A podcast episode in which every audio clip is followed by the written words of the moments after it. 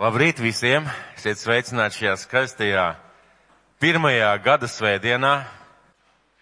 Lai Dievs svētī vienu šajā gadā, lai Dievs svētī vienu šajā zālē. Un es ticu, ka šis nākušais gads būs svētību gads. Ko nozīmē svētību gads, kad mēs piedzīvojam Dievu klātbūtni, kad mēs esam svētīti visās un dažādās lietās? Ka mums tik daudz kas izdodas, ka varbūt mēs paši brīnamies vai esam pārsteigti Jo Dievs mīl dot labas dāvanas saviem bērniem, un Viņš mīl rūpēties par saviem bērniem. Un vārds, ar kuru šie gadā gribu dalīties, un uh, vārds saucās, tad jums viss pārējais taps dots. Un varbūt uzrakstiet šo virsrakstu. Un pat ja jūs vairāk neko neuzrakstīsiet savā pierakstu kladē par šo pirmo divkalpojumu šajā gadā, lai ir šie vārdi, tad jums viss pārējais taps dots. Un es katru gadu lūdzu meklēju vārdu priekš gada mūsu draudzē. Par gadu, kas stāv priekšā, ko debes tēvs gribētu pateikt. Un es tā arī Jēzum bieži jautāju. Jēzu, ja tu stāvētu šeit uz kanceles, pirmais dievkalpojums, gada sākums, ko tu teiktu? Kādi būtu tavi vārdi, ko tu gribētu teikt? Un eh, dažādi atnāk šis vārds. Kā konkrēts vārds, kā sapratni par kādām lietām, kā pārliecība par kādu lietu. Un šogad Dievs deva vārdu draudzēji no Mateja evaņģēlijas sastās nodaļas. Šobrīd vēl nešķiram vaļā, bet man ir pārliecība, ka šis gads būs svētību gads. Jo šīs sastās nodaļas priekšpēdējais pants ir, tad jums viss pārējais taps dots. Un manuprāt, Dievs, Dievs grib mums pateikt, ja mēs šajā gadā meklēsim Dievu, ar savu sirdi, ar saviem darbiem, ar savu rīcību. Viss taps dots. Tam dos tas, kas mums vajag, un vēl vairāk, jo Dievs dod sakartīt un saspaidīt mēru. Un Dievs mīl svētīt savus bērnus bagātīgi. Vai jūs atceraties pēdējā divkalpojumā pagājušajā gadā, un arī pēdējā lūkšana kalnā es lasīju kādu vārdu, ko Dievs man bija devis gada beigām. Un man bija tāda sajūta, ka Dievs ar to grib kaut ko pateikt. Un tas, kā tas viss ir veidojies, viens, viens otru papildinājis. Pagājušā gada pēdējā divkalpojuma vārds, ja pēdējā lieta, ko es teicu, iesaist grāmatas. Un šī gada, šis Mateja evaņģēlīga vēsts, viņas saskan un papildina vienu otru. Un iesaist grāmatā no 55. nodaļas, no 6. līdz 13. pantam. Iesaist grāmata, 55. nodaļa no 6. 6. līdz 13. pantam. Meklējiet to kungu, kamēr viņš ir atrodams. Piesauciet viņu, kamēr viņš ir tuvu. Bezdievs, lai atstāja savu ceļu, un ļaunprātis savas domas, un lai atgriežas pie tā kunga, ka tas par viņu apžēlojas, un pie mūsu dieva, jo viņš ir bagāts žēlstībā. Jo manas domas nav jūsu domas, un jūsu ceļi nav mani ceļi, saka tas kungs. Par cik augstākas debesis ir pār zemi, tik augstāk ir mani ceļi pār jūsu ceļiem un manas domas pār jūsu domām. Jo kā lietus un sniegs nāk no debesīm un turp neatgriežas, pirms tas nav veldzējis zemi, to apaugļojis un tērpes zaļumā, ka tā dod sēklu sējējam un maizi ēdājam. Tā tas ir ar manu vārdu, kas iziet no manas mutes, tas neatgriezīsies pie manis tukšā, bet pirms tam jāizdara tas, ko es vēlos un jāizpild savus uzdevumus, kādēļ es to sūtīju. Jo ar prieku jūs iziesiet un mierā jūs tiksiet vadīti, kalni un pakalni jūs priekšā gavilēs, un visi koki laukā priecīgi sveicinās.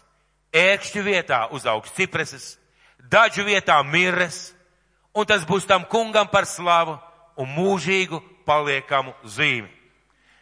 Dievs pagājušajā divkalpojumā es dalījos šo vārdu arī lūkšana kalnā, kā es teicu. Un Dievs šajā vārdā saka, ka meklējiet to kungu. Un meklējot to kungu, jūs ieraudzīsiet, ko savā dzīvē vajadzētu mainīt. Un tad, kad jūs savā dzīvē kaut ko mainīsiet, jūs ieraudzīsiet, ka jūsu domas par jūsu dzīvi ir labas, brīnišķīgas. Jūs vēlaties kaut ko labu, mēs vēlamies kaut ko labu. Bet Dievs saka, bet manas domas par jums ir daudz augstākas.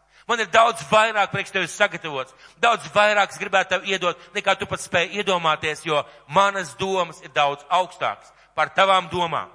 Un tālāk viņš runā par vārdu viņš min kādu vietu kā lietus un sniegs, kā viņi aiziet attāku šo zemi un veldzē zemi un apaugļo un zaļ, dara zaļu un iedod maizi sējējiem un uh, maizi uh, sējējiem un uh, tad sēklu sējiem un maizi ēdējiem. Tātad viņa vārds, kas nāk šo zemi, un tad viņš saka, tā ir, tāpat ir ar manu vārdu. Tāpat ir manu vārdu, viņš neatgriezīsies atpakaļ, pirms tas nebūs izdarījis savu darbu. Un pēc šiem vārdiem, jo ar prieku jūs tiksiet vadīti, kalnu pakalnu jūs priekšā gavilēs, un visi koki laukā priecīgi sveicinās. Ēkšķu vietā uzaugs cipreses, dažu vietā miras, un tas būs tam kungam par slavu un par mūžīgu paliekam zīmi. Un šajā, šajos pantos Dievs saka, mans vārds, kas nāks pie jums, tas būs tas, kas var mainīt jūsu dzīvi. Un ja jūs pieņemat šo vārdu, jūsu, jūsu dzīvē ēkšķu vietā un dažu vietā uzauga labas, vērtīgas lietas. Un kalni un pakalni gavilēs un visi koki priecīgi sveicinās jūs. Dievs saka, būs svētības, jo mans vārds kaut ko mainīs jūsu dzīvē. Un tas vārds, ar kur es gribētu šajā dienā dalīties, lieliski mēs par to varam priecāties. Un tas vārds, ar kuru šodien gribētu dalīties, ir no Mateja evaņģēlija sestās nodaļas. Gribētu vēl teikt tā, kā vēl jau vairāk šis vārds ir svarīgs tāpēc, ka priekšā mums ir ikgadējais mūsu draudzes septiņu dienu, dienu gavēns, kur mēs sāksim nākošajā nedēļā, uz ko es katru aicinu noskaņoties, domāt, plānot. Un šajā gavēnī mēs būsim aicināti katrs domāt, lūgt par sevi, par savām lietām, plānot savu nākošo gadu. Un es tiešām aicinu domāt par to. Un vārds, ar kuru gribu dalīties, teicu no evaņ, Mateja evaņģēlijas sastās nodaļas. Un es gribētu sākt no piektās nodaļas, pirmais, otrais pants. Kad viņš ļaužu pulku redzēja, viņš uzkāpa kalnā un nosēdās, un viņa mācekļi sapulcējās pie viņa. Un savu muti atdarījis, viņš tos mācīja sacīdams. Un viņš runāja tur daudz lietas, bet sastajā nodaļā, sākot no 24. panta, viņš runā par šīm materiālajām lietām, kas mums ir šeit uz zemes. Un sestā nodaļa sākot no 24. panta. Neviens nevar kalpot diviem kungiem. Vai viņš vienu ienīdīs un otru mīlēs, ja viņš vienam pieķersies un otru atmetīs. Jūs nevarat kalpot dievam, dievam un mantai. Viņš saka, nav iespējams kalpot dievam un mantai. Nav iespējams kalpot, ja pielūgt, un mums tas ir jāsaprot un jāizvēlās, Un no turienes tālāk seko šis 25. pants, par kur mēs sāksim runāt. Tātad, 4. pantā viņš runā par mantu, viņš saka, jūs nevarat likt savu cerību, ja savu uzsvaru, jeb savu dzīves vērtības uz divām lietām. Jūs nevarat likt uz mantu, uz materiālām lietām vai uz mani. Ja jūs liekat uz divām lietām, vienu jūs mīlēsiet, vienu atmetīsiet. Un ļoti bieži, ja mēs kalpojam mantai, mēs pazaudējam, atmetam Dievu. Un no turienes viņš tālāk runā par dzīvesveidu, kā mēs dzīvojam. 25. pants. Tāpēc es jums saku, nezūdaities savas dzīvības dēļ, ko ēdīsiet un ko dzersiet, ne savas miesas dēļ, ar ko ģērbsieties. Nezūdaities savas dzīvības dēļ, ko ēdīsiet un ko dzersiet, ne arī savas miesas dēļ, ar ko ģērbsieties. Vai tas nozīmē, ka nākušajā gadā, un kad Dievs saka, nerūpējieties, neliecieties nezinis, un kādreiz cilvēki tā domā, ka Dievs saka, nerūpējieties, neliecieties nezinis, vienkārši dzīvojiet, un Dievs jums visu iedos. Tad paskatīsimies, tas varbūt šobrīd šajā dienā, ko nozīmē vārds nezūdīties. Kāpēc Jēzus neteica vārdu nerūpējieties, bet viņš teica, kāpēc viņš teica ne, nezūdieties? Ko nozīmē nezūdīties? Tas nav rūpēties, tas ir gausties. Tas, tas ir būt, būt nemierīgam, nepārtraukt. Tas ir būt norūpējušamies, nemitīgi bēdāties, sūdzēties, pārdzīvot, uztraukties, visu laiku izmisīgi domāt. Un ja es saku, nedariet tā, izmisīgi nedomājiet, nežēloties, nebēdājieties, jo to jums nevajadzētu darīt. Kāpēc mums nevajadzētu zudīties? Kāpēc es sāku tieši ar šādiem vārdiem? Jo beigsies šis, šī, šī, šī vēsts, ko Jēzus šeit saka ar vārdiem, ja jūs to nedarīsiet, tad jums vispārējais tiks piemests. Mēs nākušā gribā, gadā gribam piedzīvot svētības.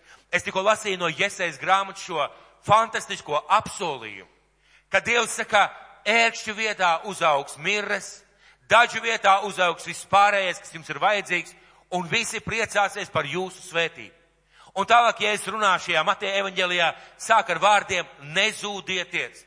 Tas nozīmē, nenozīmē nerūpēties, tas nozīmē negaudieties. Ne, ne, neesiet nemierīgi, norūpējušies, nemitīgi nebēdājieties, nesūdzieties, nepārdzīvojiet, neuztraucieties visu laiku izmisīgi, nedomājiet par to, ko jūs ēdīsiet, ko jūs dzersiet. Kāpēc, ja es saku, ka mums nevajadzētu zudīties? Es gribētu pateikt pāris lietas. Pirmām kārtām, Dievs solījis rūpēties par mums, saviem bērniem. Viņš ir solījis rūpēties par mums, saviem bērniem. Un uh, tas nozīmē, ka mums ir iespēja paļauties uz Dievu. Ja mēs zūdamies un bēdājamies, tas nozīmē, ka mēs nepaļaujamies uz Dievu. Otrām kārtām, zūdīšanās nostumi no atbildības, jeb no iespējas uzņemties atbildību par mūsu dzīvi Dievu nost. Iedomājieties, ja šeit stāvētu Kristus un pēkšņi augšā uzrāpjās cilvēks ar savu zudīšanos, nostumnos Kristu un saka, nē, nē, nē, Kristu, tagad es pats par sevi parūpēšos, jo ar bēdāšanos, ar skumšanu, ar vaimanāšanu, es domāju, ka manā dzīvē kaut kas varētu mainīties. Mēs nostumjam Kristu no viņa atbildības par to, kas ir mūsu dzīvē. Tiešām kārtām Tas bojā mūsu attiecības ar Jēzu. Tas bojā mūsu attiecības ar Svēto garu un dabas tēvu. Un tu skaties uz Dievu, uz šīm attiecībām, it kā caur stiklu, uz kurai sarakstītas tavas vajadzības. Padomāsim paši, ja mēs skatāmies uz Dievu nevis ar atvērtu sevi, kā Dieva vārds saka, nevis meklējot viņu pašu, bet ja mēs skatāmies uz Dievu, uz Jēzu Kristu, caur stiklu, uz kuras sarakstīts bēdas, sāpes, problēmas, vajadzības, situācijas, nepiepildītās vēlēšanās un vēlmes, kas notiek Jēzum uz sejas. Mēs ieraugam nepiepildītās vajadzības, sāpes, ciešanas, un mēs kā skatāmies caur stiklu uz Jēzu, un mēs nevaram būt ar viņu savienot. Jo starp mums ir stikls ar visām šīm lietām. Es kādreiz rādīšu šo piemēru. Ko tas nozīmē? Tas nozīmē, ka mēs it kā neļaujam šīm attiecībām veidoties dziļākam un it kā attālamies no Dieva. Ceturtkārt, zudīšanās piekaļ visas mūsu domas un spēkus pie mūsu vajadzībām. Zudīšanās, lai cik tas paralitiksāli arī nebūtu, tu pat runā ar sevi, ar Dievu, ar cilvēkiem par savām vajadzībām un vajadzētu būt kādam atrisinājumam, bet izrādās, ka tas piekaļ tavas domas, tavu enerģiju pie tām lietām, par kurām tu runā par savām vajadzībām un nevis dod atbildi, bet taisnu otrādi. Un piekārt garīgi mēs grimstam, mums dod ticība un mums dod paļaušanās. Mums dod ticība, mums trūks, trūks paļaušanās. Un saskārt fiziski mēs jūtamies slikti. Vai kāds, kurš zūdās, kādreiz jūtās labi? Un Bībele saka, ka noskums gars izkaltē kaulus. Ko tas nozīmē? Kauli jau man neizkalst. Bet tad, kad mēs zūdamies un skumstam un bēdājamies un žēlojamies un uh, dzīvojam tādā nospēstības stāvoklī, mēs jūtamies slikti, mums ir slikti. Un septītā, septītā, septītā lieta, ko es gribētu teikt, mēs bojājam attiecības ar cilvēkiem. Sakiet lūdzu, vai ir pateikami, vai būt, būt, vē, ir, ir ērti būt kopā ar cilvēku, kur jūs satiekat, teiksim, uz ielas. Labdien, kā tā vieta? vai zini, man ir traki. Zini, man ir tas un tas un tas un tas un šitas un šitas, un es nezinu, kā es to savilkšu un kā es šito izdarīšu. Sakiet, cik ilgi jūs gribētu runāt šo cilvēku? Ļoti ātri jūs meklējat tādu pieklājības frāzi, atvaino, zini, man nav daudz laika, es te steidzos uz veikalu, man vēl daudz, kas jāizdara. Kāpēc? Jo cilvēks nevis meklē atbildes pie Dieva, viņš it kā izgāž uz jums to straumi, kuru viņam vajadzēja nest Dieva priekšā. Jo Šeit Jēzus neteica nelūdziet. Šeit Jēzus teica, neteica nedomājiet, viņš teica nezūdieties. Un tāpēc tas bojā arī mūsu attiecības ar cilvēkiem. Un starpības starp veselīgām, dievbijīgām rūpēm un pasaulīgu nemieru norūpēšanos ir ļoti vienkārši. Zūdīšanās mūs paralizē, gremdē un apstādina. Mīļie draugi, ja mēs zūdamies, ja mēs bēdājamies, ja mēs skumstam par lietām, kas mūsu dzīvē varbūt nekad ne, pat nenotiks, mēs grimstam, mēs apstājamies, mēs vienkārši, tas mūs paralizē, bet rūpes, rūpes par savu dzīvi, dzīves plānošanu kopā ar Jēzu un pēc Dieva vārda rīkošanās dot stimulu, dot stimulu darīt lietas un dot mieru un paļāvību. Ir milzīga starpība. Vai tu domā par savu nākotni, vai tu zūdies? Milzīga starpība. Un uh, 25. pantā šī otrā daļa. Vai dzīvība nav labāka nekā barība? Un vai miesa nav labāka nekā drēbes? Un ja es svēršu uzmanību, viņš saka, jūs esat dzīvi. Kas jums to deva?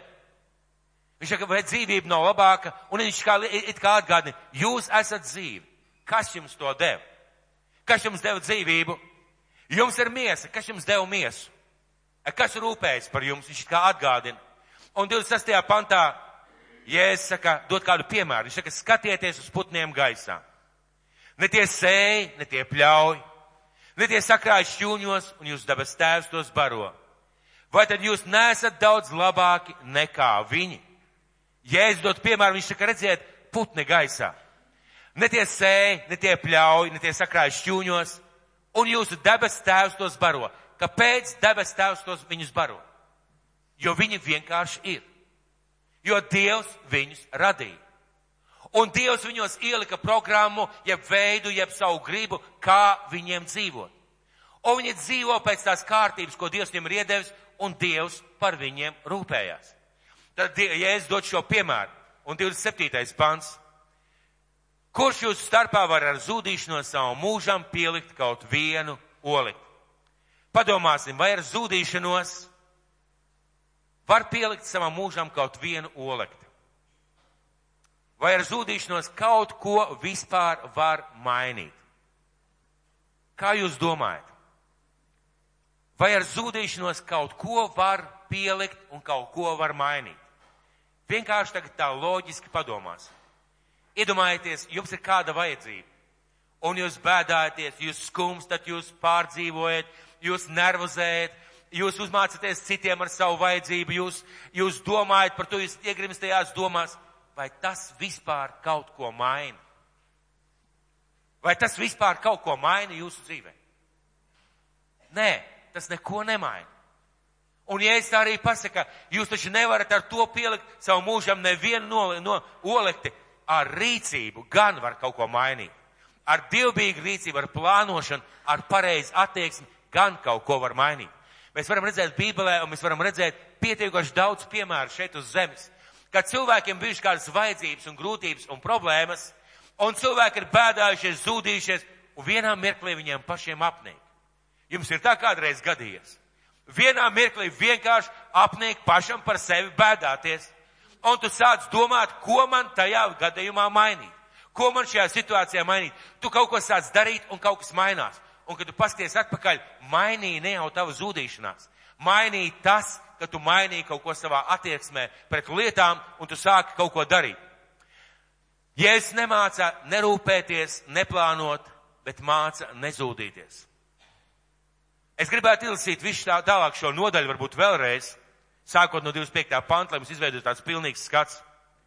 Tāpēc es jums saku, nezūdieties savas dzīvības dēļ, ko ēdīsiet un ko dzersiet, ne arī savas miesas dēļ, ar ko ģērbsieties, vai dzīvība nav labāka nekā barība, vai miesa nav labāka nekā drēbes.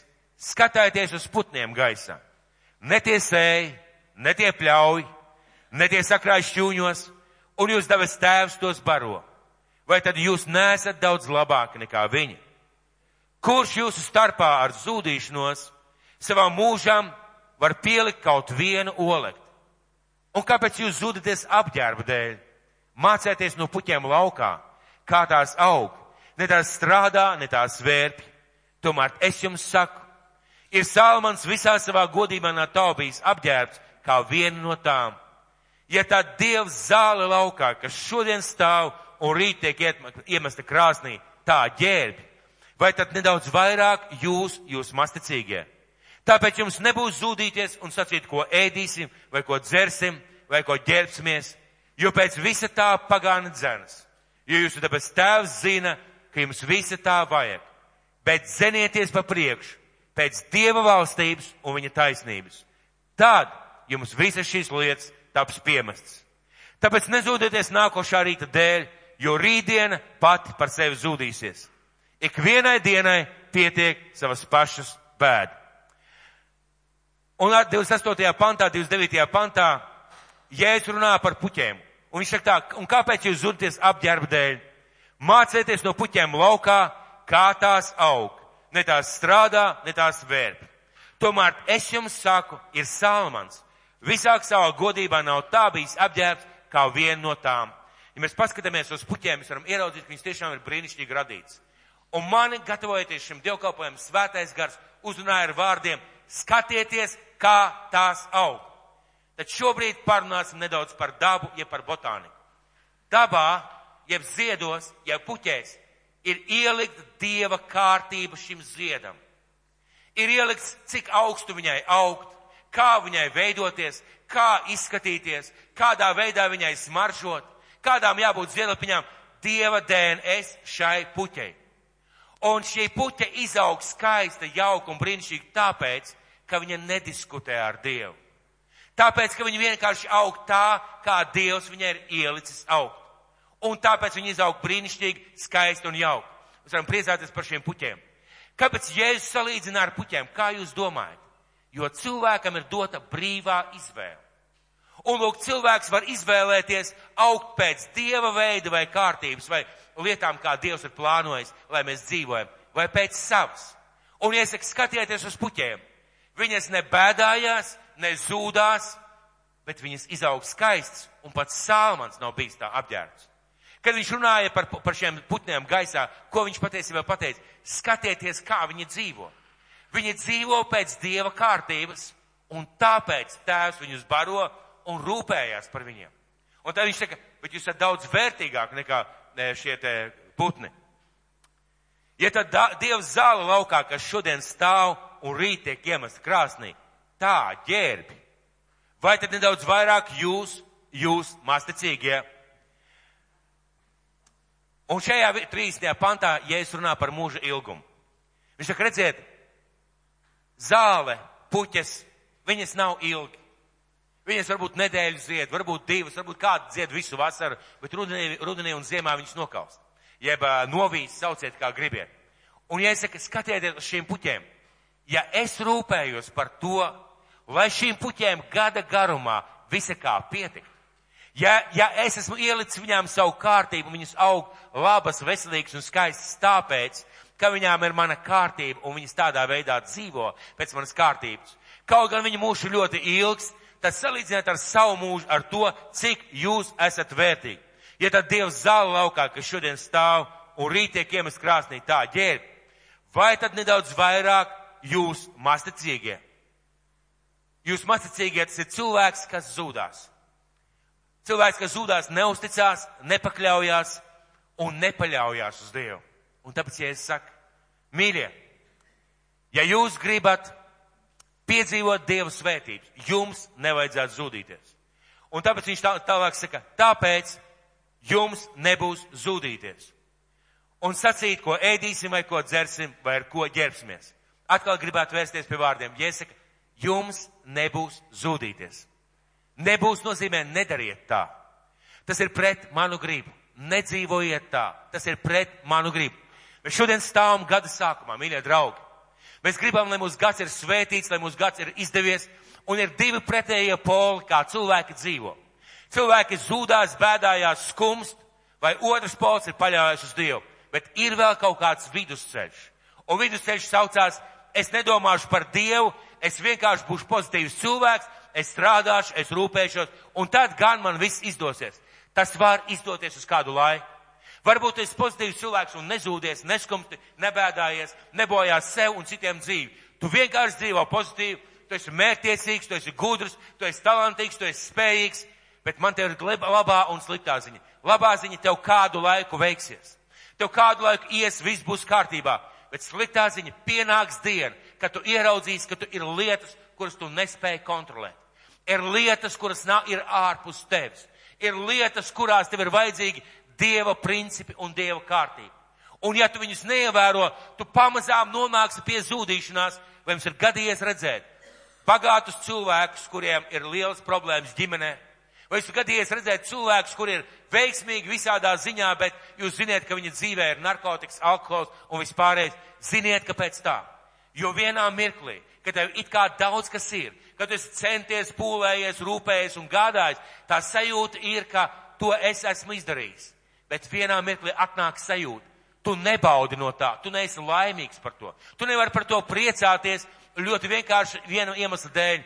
Tu esi pat nezūdījies, bet īstenībā tu esi dzinies pēc tām lietām, kas cilvēkam ir vajadzīgs, un Dievs atstājas aiz muguras. Tāpēc, ja, ja es saku, jums nebūs zudīties, nedariet tā. Bet ko mums vajadzētu darīt? Lielais jautājums. Daudz cilvēki ir iekrituši šo pantu sakot tā. Tā tad man nevajag rūpēties, man nevajag plānot, man nevajag strādāt, Dievs par visu parūpēsies. Halleluja! Dievs par visu parūpēsies. Bet Jēzus šajā vietā neteica, viņš teica, jums nebūs zudīties, bet viņš neteica, jums nebūs lūgt. Viņš neteica, jums nebūs lūgt par savām vajadzībām. Viņš pats teica, lūdziet, un tad jums taps dots. Viņš pats teica, lūdziet, meklējiet, un tad jums taps dots. Tālāk viņš saka, jums, jums jārūpējās par to, lai, par to, lai jūs dzīvē būtu viss, kas būtu nepieciešams, jums jārūpējās. Viņš pats teica, kas nestrādā, tam nebūs ēst. Cilvēks varētu teikt tā, nu tad Jēzu rūpējies par mani.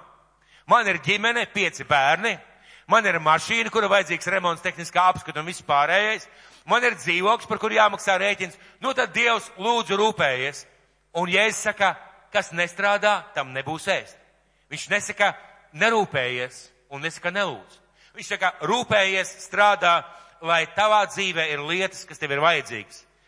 Uh, Jēzus nesaka, ka tev nebūs plānot savu dzīvi, jeb savu gadu kopā ar mani, pēc mana vārda. Viņš nesaka, ka tev nebūs plānot, jo viņš pats teica kādu interesantu vietu. Pirmām kārtām viņš ir pats, pats, viņš ir Dievs, kas pats plāno. Ja jūs skatāties uz Dievu, ja jūs skatāties uz Dievu vārdu, jūs ieraudzīsiet, ka Dievs pats plāno. Dievs pats plāno notikumus pasaulē, notikumus cilvēku dzīvē. Dievs plāno. Un viņš neteica, jums nebūs plānot. Taisni otrādi. Jēzus teica, kurš no jums, kad jūs celsiet torni, vai neapsēdīsies un neizrēķinās, vai jums pietiks līdzekļi, lai uzceltu. Ko tas man pasaka ar šiem, šīm lietām? Jēzus šie, šī te kalns vētra un patiesībā varētu teikt, ka Jēzus mācības koncentrāts. Un lūk, ko viņš saka. Ja jūs gribat būt veiksmīgi, nezūdieties, bet jums vajadzētu lūgt, jums vajadzētu rūpēties, jums vajadzētu plānot kopā ar Dievu, jo tas ir dievbīgs un pareizs lietas, eh, kas mūsu dzīvē ir jādara. Un 32. pants. Jo pēc visa tā pagāna dzenas, jo jūs dabas tēvs zina, ka jums visa tā vajag. Jo pēc visa tā pagāna dzenas. Ko nozīmē vārds pagāna?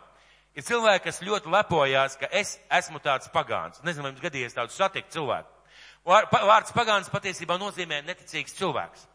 Un ja šie vietā saka, redziet, pagāni zūdās, pagāni dzenās, Pagāni tiecās, pagāni ilgojās pēc tā visa. Viņi uh, cenšas pēc tā visa. Jums tā nevajadzētu darīt. Ziniet, kāpēc? Jo jums ir veids, kā jūs varat bez dzīšanās pēc tā iemantot visas lietas, ko jums vajag. Pirmkārt, jums ir jāzina, jūs dabas tēvs zina, ka jums visa tā vajag. Vai Jēzus zina, ka tev vajadzīga dziedināšana? Vai viņš zina, ka tev ir vajadzīgs darbs un ka tev ir vajadzīgs labi apmaksāts darbs?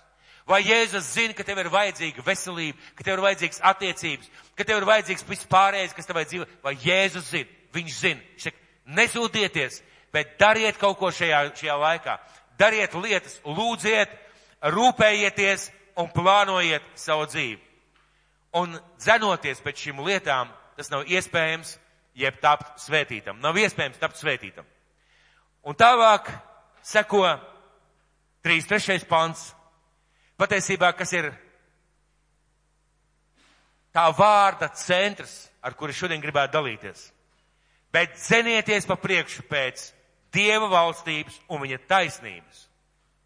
Tad jums visas šīs lietas taps piemestas.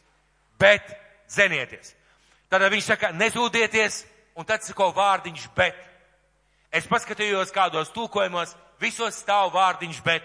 Un šis bet nozīmē, ka, ja jūs gribat iemantot svētības, tad un tālāk tiek lietot šie paši vārdi uh, par zūdīšanos, dzenieties. Ja jūs gribat būt svētīti, tad dzenieties, tas pats vārds. Tiecieties, skrieniet, liekiet visas pūles un uzsvaru pa priekšu. Vārds pa priekšu nozīmē pirmām kārtām. Lūk, vēlreiz šis pants, bet cenieties pa priekšu. Pa priekšu nozīmē vispirms, pirmkārt, kā prioritāti, kā svarīgāko, pēc kā. Pēc kā tad dzīties? Pēc Dieva valstības un viņa taisnības. Pēc Dieva valstības un viņa taisnības.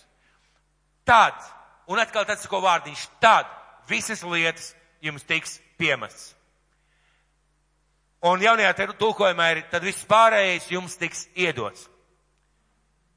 Ja Jēzus teica, tad tā arī būs. Vai šeit ir kāds, kurš gribētu būt neveiksmīgs? Ir kāds cilvēks, kurš gribētu būt neveiksmīgs šajā zālē? Ir kāds cilvēks? Droši pats liet roku. Noteikti nav, jā? Ja? Vai šeit ir kāds, kurš gribētu veiksmīgs būt šajā nākošajā gadā? Mēs varam necelt roku, es zinu, ka visi grib. Pareizi? Visi grib. Un lūk, ko Jēzus saka, un tas ir vārds mūsu draudzē, un arī tev, ja tu šodien ciemos. Bet cenieties pa priekšu pēc Dieva valstības un viņas taisnības. Tad jums visas pārējās lietas taps piemestas. Tad jums visas pārējās lietas taps piemestas. Un ja Jēzus tā pateica, tad tā arī būs. Ja mēs dzīsimies pēc visām pārējām lietām un zudīsimies, mēs tiešām neko nedabūsim. Mēs palaidīsim daudz ko garām. Un kas ir svarīgākais? Jēzus nevarēs mums iedot.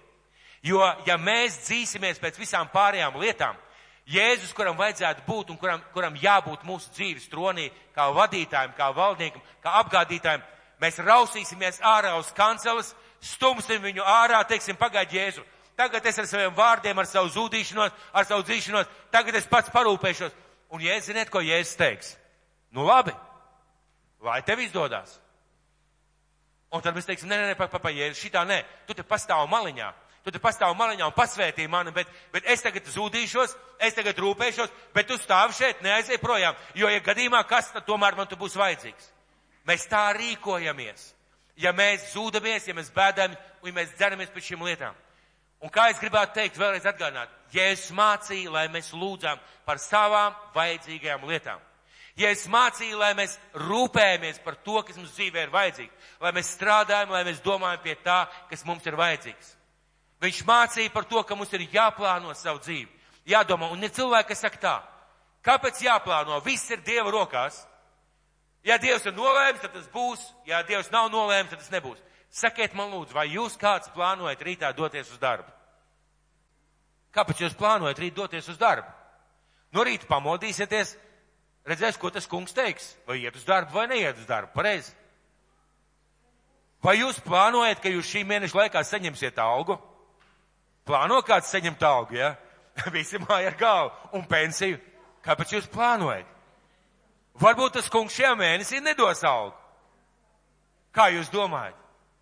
Un ir cilvēki, kas saka, nevajag plānot, nevajag, nevajag domāt, nevajag likt lietas pa plauktiņiem, nevajag, jo tas kungs rūpēsies, viņš rūpēsies, bet ziniet, kas ir ļoti interesanti, ja mēs plānojam ar Dievu savu dzīvi. Ja mēs skatoties uz Dievu principiem, plānojam savu dzīvi, ziniet, kas viena no lietām atnāk, atnāk miers. Atnāk miers par savu nākotni, jo tas ir plānojis, tu esi domājis, tu to esi ielicis Dievu rokās un Dievs zina tavus plānus. Dievs zina, kas tev ir vajadzīgs, un viņš parūpēsies par to, lai tev vajadzīgās lietas tev tiek piemestas. Ko tas nozīmē zenieties pēc Dieva valstības? Tas tas, par ko es domāju pēdējo nedēļu diezgan daudz. Ko nozīmē dzīties pēc Dieva valstības un viņas taisnības? Ko nozīmē dzīties pēc Dieva valstības un viņa taisnības? Tas nozīmē dzīties pēc tā, lai mūsu dzīvē, dzīvē visās lietās ir Dieva valstība un viņas taisnība. Viņas taisnība. Kādā veidā tas varētu notikt? Vai jūs ticiet, ka mūsu dzīvē ir septiņas dzīves sfēras? Vai šeit kāds ir kas tic? Redziet, kas par nelaimi. Es varu būt veiksmīgs sludinātājs, bet pilnīgi neveiksmīgs naudas lietotājs. Es varu būt lielisks naudas lietotājs, bet pilnīgi nederīgs dieva kalps. Es varu būt veiksmīgs dieva kalps un nezinu, tur plānotājs, sludinātājs, bet pilnīgi sabojāt savu veselību ar to, kā es dzīvoju. Mūsu dzīvē tā pa lielam ir septiņas sfēras. Un psihologi vienkārši ir nošpikojuši to, ko Dievs sen ir atklājis un pateicis. Un es gribētu jums nosaukt, bet nesteidzieties pierakstīt. Jūs varēsiet pierakstīt tā pa vienai, pa vienu, pa vienai par viņu runāšu. Šīs septiņas dzīves sfēras. Es zinu, ka daži netic, bet tā ir patiesība. Un parunāsim pēc prioritātēm par šīm septiņām dzīves sfērām. Pirmā sfēra ir garīgā sfēra, pats svarīgākā sfēra mūsu dzīvē. Otrā sfēra ir ģimene. Trešā sfēra ir kalpošana. Ceturtā ir finanses, tad ir veselība, izglītība un atpūta. Un kāpēc ir vērts sadalīt šīs mūsu dzīvi pa šīm septiņām sfērām? Mēs varam ieraudzīt katrā sfērā tas, to, ko mums vajadzētu darīt. To, ko mums vajadzētu darīt. Un sāksim ar garīgo sfēru mūsu dzīvēm. Garīgā sfēra ir svarīgākā sfēra mūsu dzīvē. Mūsu attiecības ar mūsu dabas tēvu. Sakiet man, kas ir svarīgākais Dieva valstībā? Kas ir pats svarīgākais un galvenais Dieva valstībā? Dievs pats. Tāpēc tā ir Dieva valstība, vai ne? Un tu nevari dzīties pēc Dieva valstības, nedzinoties pēc Dieva paša. Un tāpēc svarīgākais šajā garīgajā sfērē Dievs pats. Ko tas nozīmē? Tas ir nozīmē, ka svarīgākais šajā garīgajā sfērā ir mūsu attiecības ar mūsu dabas tēvu un ar Jēzu Kristu. Svarīgākais ir laiks priekš viņu. Svarīgākais ir atdalīt laiku, lai lasītu Dievu vārdu, lai lūgtu Dievu, lai veidotu šīs attiecības, lai viņu iepazītu, lai būtu kopā ar viņu, jo no turienes viss pārējais rosās. Tātad svarīgākais tas, lai mums būtu laiks ar Dievu un lai šis laiks būtu kvalitatīvs. Pajautāsim sev. Tie, kuri saka, ka nav jādara šajās septiņās dzīves sfērās, pajautāsim sev. Vienkārši pajautāsim, vai ir Dieva valstība un viņas taisnība mūsu lūgšanu dzīvē un lasīšanā. Vai tev ir laiks ar Dievu? Vai tev ir atdalīts konkrēts laiks ar Dievu, kur tu pavadi? Vai tev ir laiks, par kuru tu cīnies, par kuru tu pārdzīvo, kurā tu pavadi savu laiku ar Dievu, gūstot atveldzējumu sev, savai dvēseli, vai tev ir? Ja tev nav, Dievs šodien tev saka, zenies pēc Dieva valstības šajā sfērā. Jo tā ir Dieva valstība un Dieva taisnība, ka tu pavadi laiku ar Kristu. Ja tev nav, tu vari necerēt, ka tavā dzīvē daudz kas var mainīties viena iemesla dēļ. Tu vienkārši ignorēsi šo sfēru un Dievs saka, nē, tā es nevēlos. Tātad pirmā lieta, garīgā sfēra, attiecības ar Dievu, ģimenē, ģimenē, ko nozīmē dzīties pēc Dieva valstības un viņa taisnības attiecībām ar cilvēkiem un ģimenē. Pēc mīlestības pilnām attiecībām. Vai šeit kāds ir pamanījis, ka dārzā, kuru mēs nekopjam, izaug nezāles vien? Ir gadījies kādam redzēt? Ja jums kādu laiku nav laika pļaut zālīt, skaists mauriņš iestādīts, un nav laika pļaut zāli, tur saug pat visādas nezāles, pareizi? dārzā, ja mēs nerūpējamies, ja mēs neravējam, saug viss kaut kas. Un, ja es saku, viena no lietām, nākošā sfēra ir mūsu ģimene, uzreiz otra svarīgākā pēc garīgās. Cenieties pēc mīlestības pilnām attiecībām. Ko tas nozīmē? Domājiet, kā veidot šīs attiecības.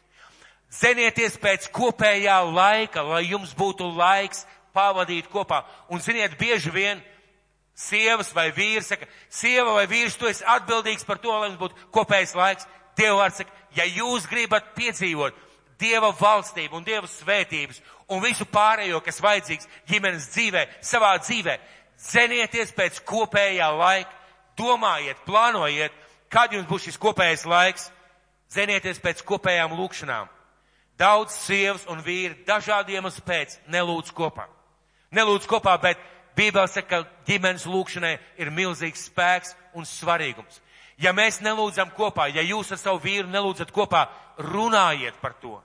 Dzenieties, tiecieties, cenšieties iedvesmot, kaut kādā veidā pārlieciniet, lai jūs varētu kopā ar savu vīru lūgt. Mainiet kaut ko. Vīri, vīrieši, cenieties pēc tā, lai jūs būtu priesteri savā namā. Un lai kā šobrīd neizskatās, varbūt jums ir sajūta, ka esat zem sievas tupeles, vai kaut kā savādāk nospiesti. Dzenieties, domājiet, nevis ar varu pieprasiet, bet domājiet, kā jūs varat būt priesteri savā namā. Kā jūs varat būt ģimenes galvas. Domājiet, kā augt šajā sfērā. Jo redziet, dzīties pēc Dieva valstības ir praktiskas lietas. Jēzus vārds ir ārkārtīgi praktisks. Un viņš nerunāja vienkārši teorētiskas lietas. Viņš teica, dzenieties pēc Dieva valstības. Un ja tagad runājam par šīm sfērām, dzenieties pēc tā, lai jūs savā ģimenē būtu ģimenes galva. Sievas, dzenieties pēc tā, lai jūs savus vīrus nezāģētu. Bet lai būtu par atbildi saviem vīriem, par palīgiem, par svētību, par atbalstu, lai jūs apvītu viņus ar savām rūpēm. Un tas atnesīs svētību jūsu dzīvē. Es zinu, ka sievietes tagad ir uz mani dusmīgas, viss pareizi. Jo viņas teiks, ir taču iemesls. Mīļie, Jēzus neteica, ja tavs, tavam vīram viss nav kārtībā, viņam neizdodas, paņem labi resnu zāģi. Ja ir iespējams, paņem motorzāģi. Un katru dienu viņa ar motorzāģi mājās sagaida. Pirmais, ko viņš darīs, viņš neatnāks mājās. Pirmais, ko viņš darīs.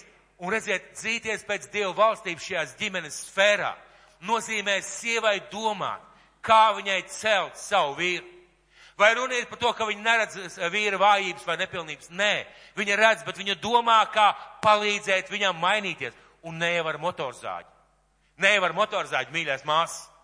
Tāpēc, tāpēc bērni, zenieties pēc tā, lai jūs cienītu savus vecākus. Jaunieši. Es zinu, ka jauniešiem ir liela problēma. Vecāki, jūs esat no mamutu laikmeta. Un pat ja jūs tā neesat teikuši, iespējams kāds ir domājis. Un tajā mirklī, kad jūs tā domājat vai pasakat, tajā mirklī pār jums nāk Dieva vārds. Bērni, cieniet savus vecākus, lai jūs ilgi dzīvot un jums labi klātos. Tāpēc, mīļie bērni, kuriem ir vecāki vēl, vienalga cik gadi, nenozīmē vienmēr klausīt, ja tev ir 30 gadi, tev nav jāklausa savs, savs sirmais tēcis bet parādi cieņu, parādi attieksmi, un tu būsi svētīts šajās attiecībās ar saviem vecākiem. Bērni, vecāki domājiet, kā savus bērnus vest pie Dieva. Es zinu, ka ļoti bieži bērni saka, man ir grūti, es negribu, es neiešu svētdienu uz dievkalpojumu, man ir ārkārtīgi jāizguļās, esmu no nāk, nākšana nedēļa, man jāiet uz skolu. Taisnība. Bet, mīļie vecāki, parūpēties par to, lai jūs bērni nāk uz svētdienas skolu.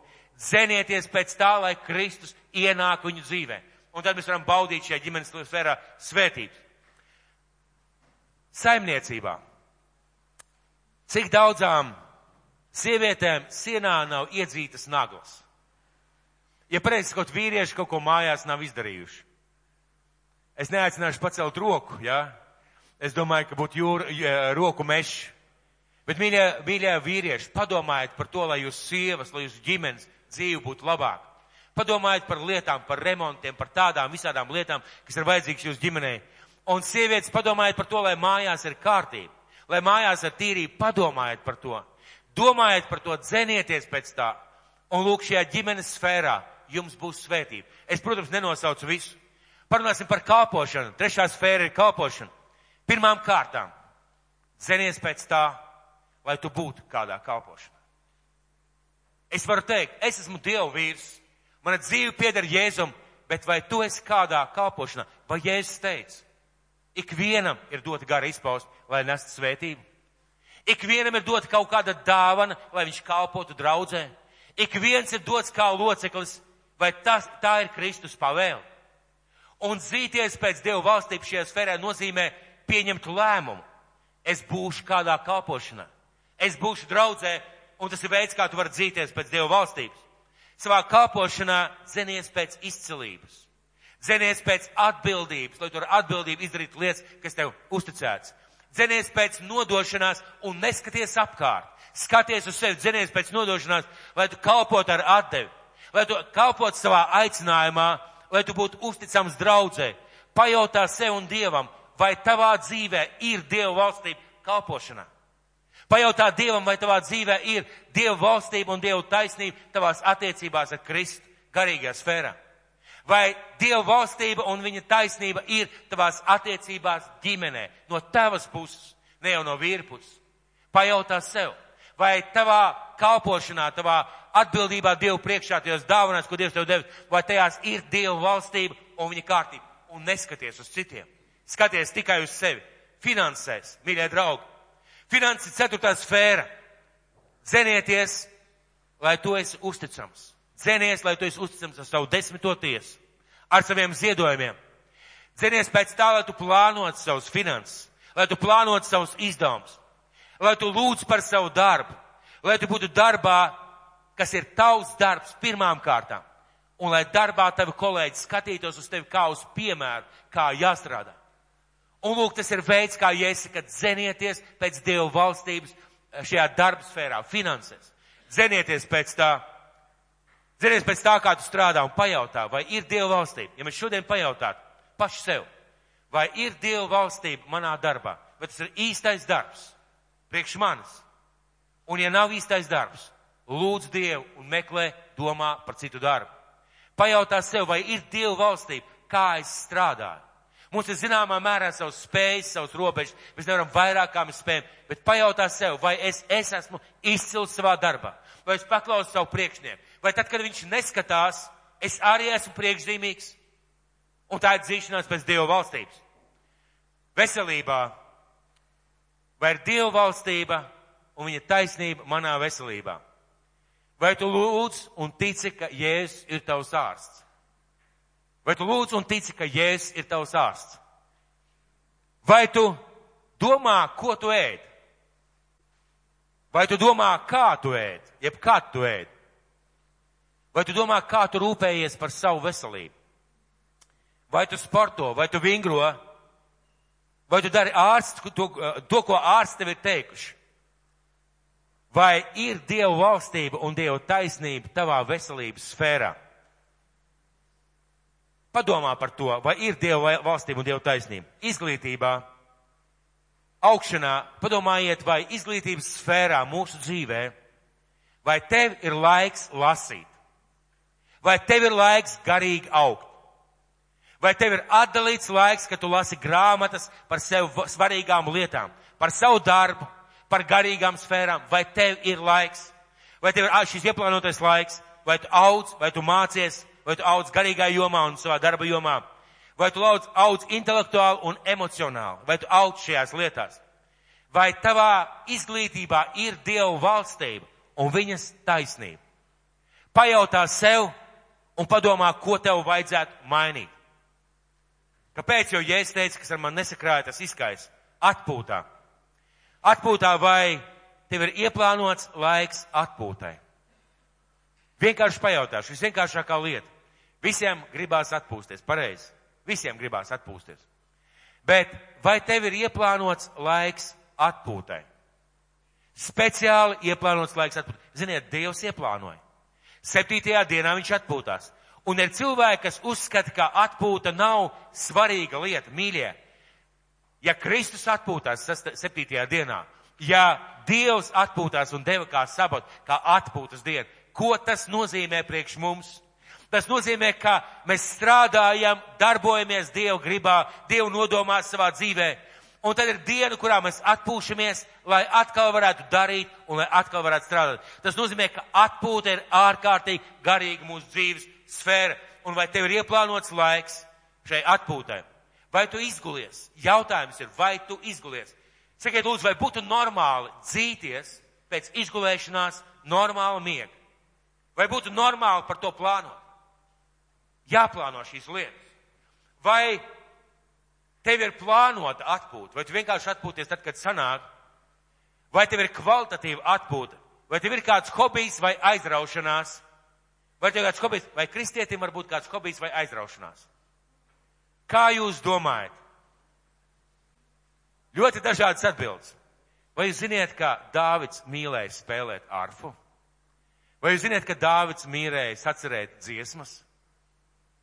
Ļoti iespējams, ka viņam bija vēl kaut kāds hobijs, mēs nezinām. Bet Dievs mūs ir radzījis emocionālas būtnes, lai mēs radītu.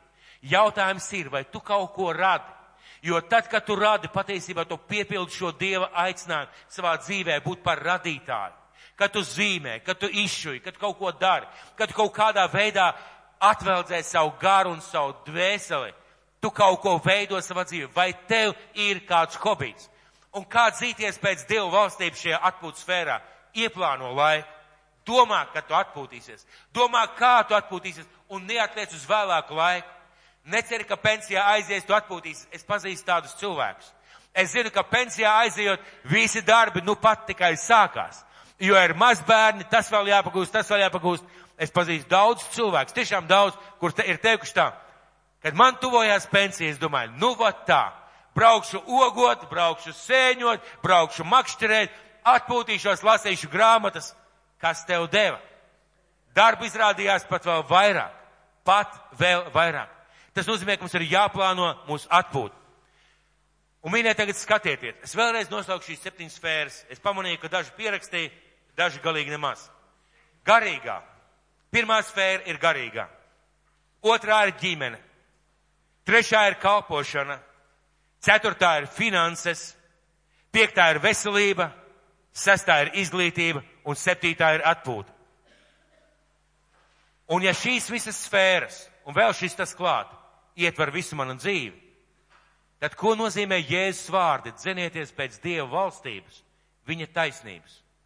Tas nozīmē, ka man būtu jādām, jādomā, ka man būtu jālūdz, ka man būtu jāmeklē, ka visās šajās septiņās dzīves sfērās ir Dieva valstība, ir Dieva grība, ir Dieva nodoms manai dzīvei, kā tas šīs sfēras balstās uz Dieva vārdu, to, ko Jēzus teica, un ne citu cilvēku dēļ, bet manis dēļ, manu attiecību ar Dievu dēļ.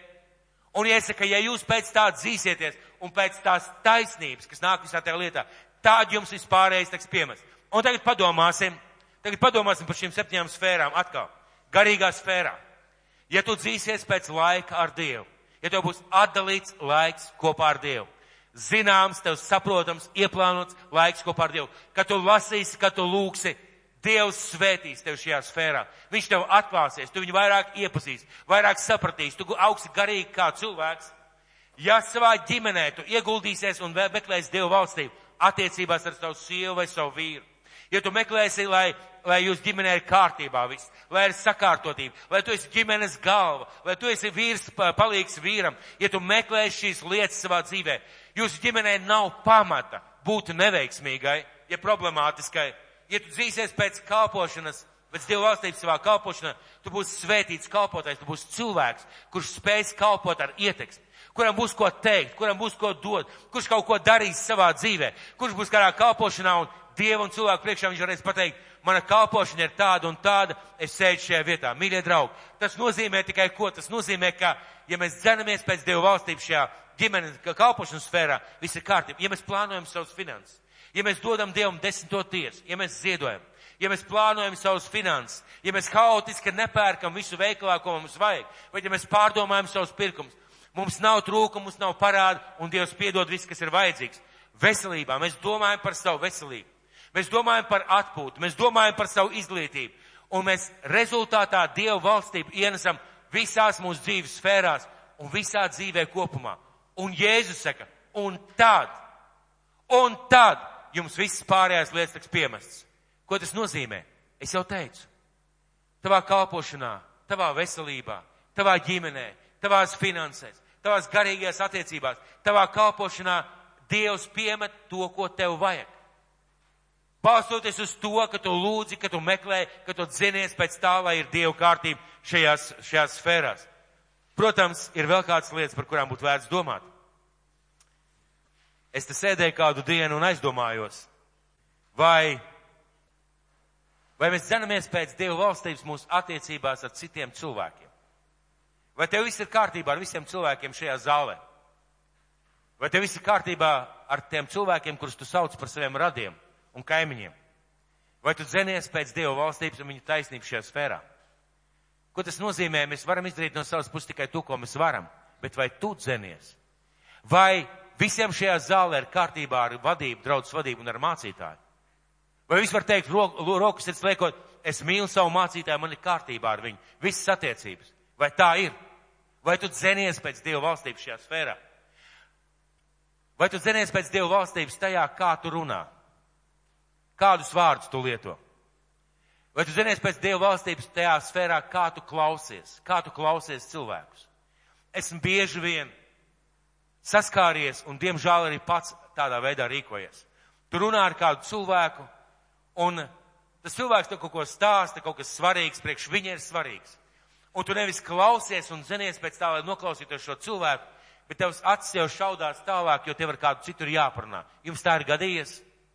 Tā nav Dieva valstība. Jo tajā mirklī tu pasaki tam cilvēkam un Dievam, Dievs, man šis cilvēks nav svarīgs. Es pat vārdus nelietoju. Bet es pasaku Dievam un sev, šis cilvēks man nav svarīgs. Man ir gadījies, es sarunājos ar kādiem cilvēkiem, un tad garām peld kāds lielāks mācītājs. Un cilvēks saka, pagajāni. Un saruna turpinās. Es vienkārši pasmaidu un eju tālāk. Tas nozīmē, bet tā nav Dieva valstība. Tā nav Dieva valstība, ka mēs cilvēkus vērtējam pēc cepures, amatiem vai pēc apģērba. Tā nav Dieva valstība. Un tas, ko es jums gribētu teikt, mīļie draugi, saku, dzenieties pēc Dieva valstība. Sakiet, vai tie, kuri brauc ar mašīnu, vai viņi var dzīties pēc Dieva valstības un viņa taisnības? Esmu dzirdējis ļoti tādus trakus stāstus trakus stāstus par kalpotājiem. Kad cilvēki tādi vienkārši no draudzes saka, vai tu esi braucis ar to un to mācītāju, oi, oi, oi, kā viņš dragā.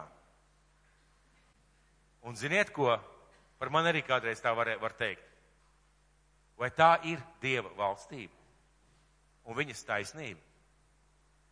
Un saku, dzenieties pēc Dieva valstības, tad visi policisti ies jums garām tad jūs neviens neapstādinās.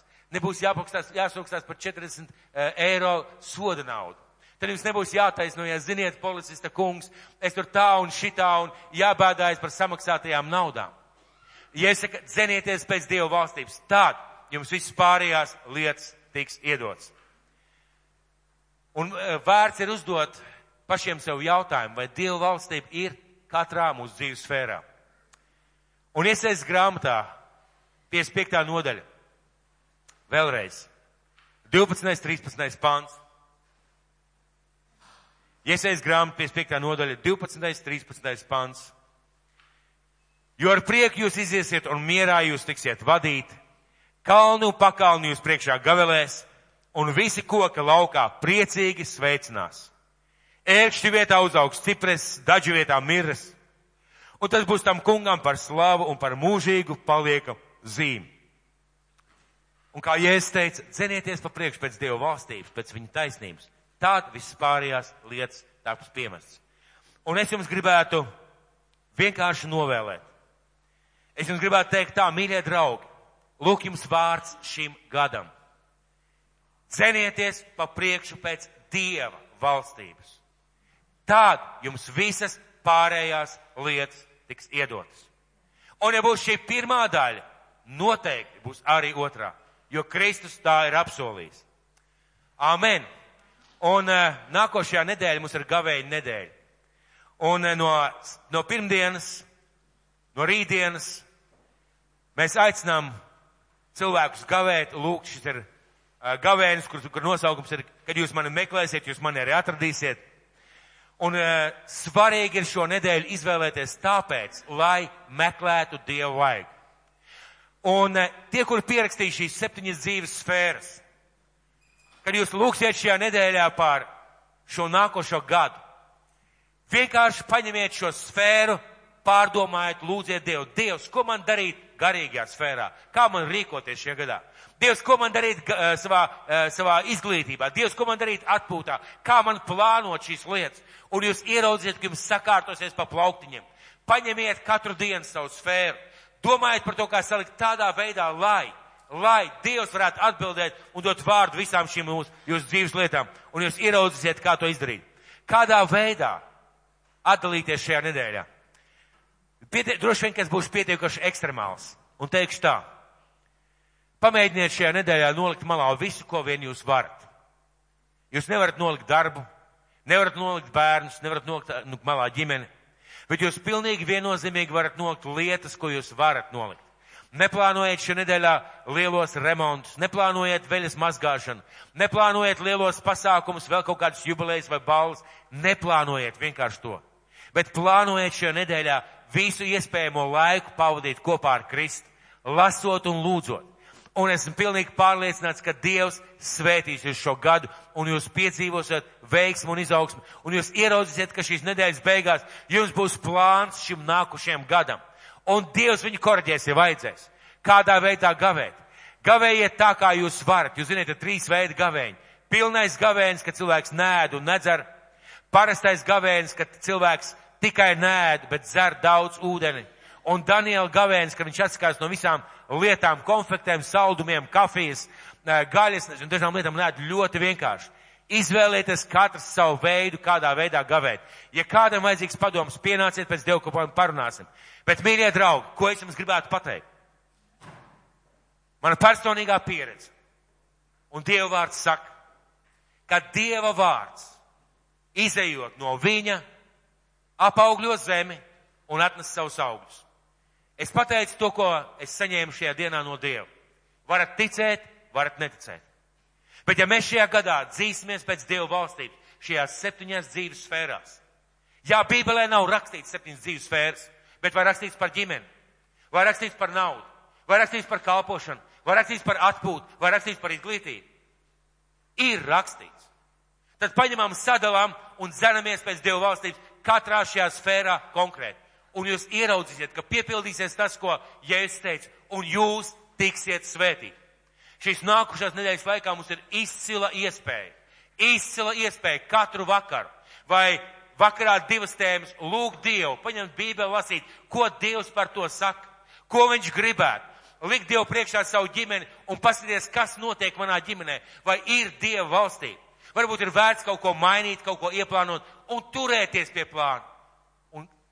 Vienkārši, vienkārši, mīļie draugi, ja mašīnai ir tukša riepa, viņa ir jāslāp un jāuzpumpē.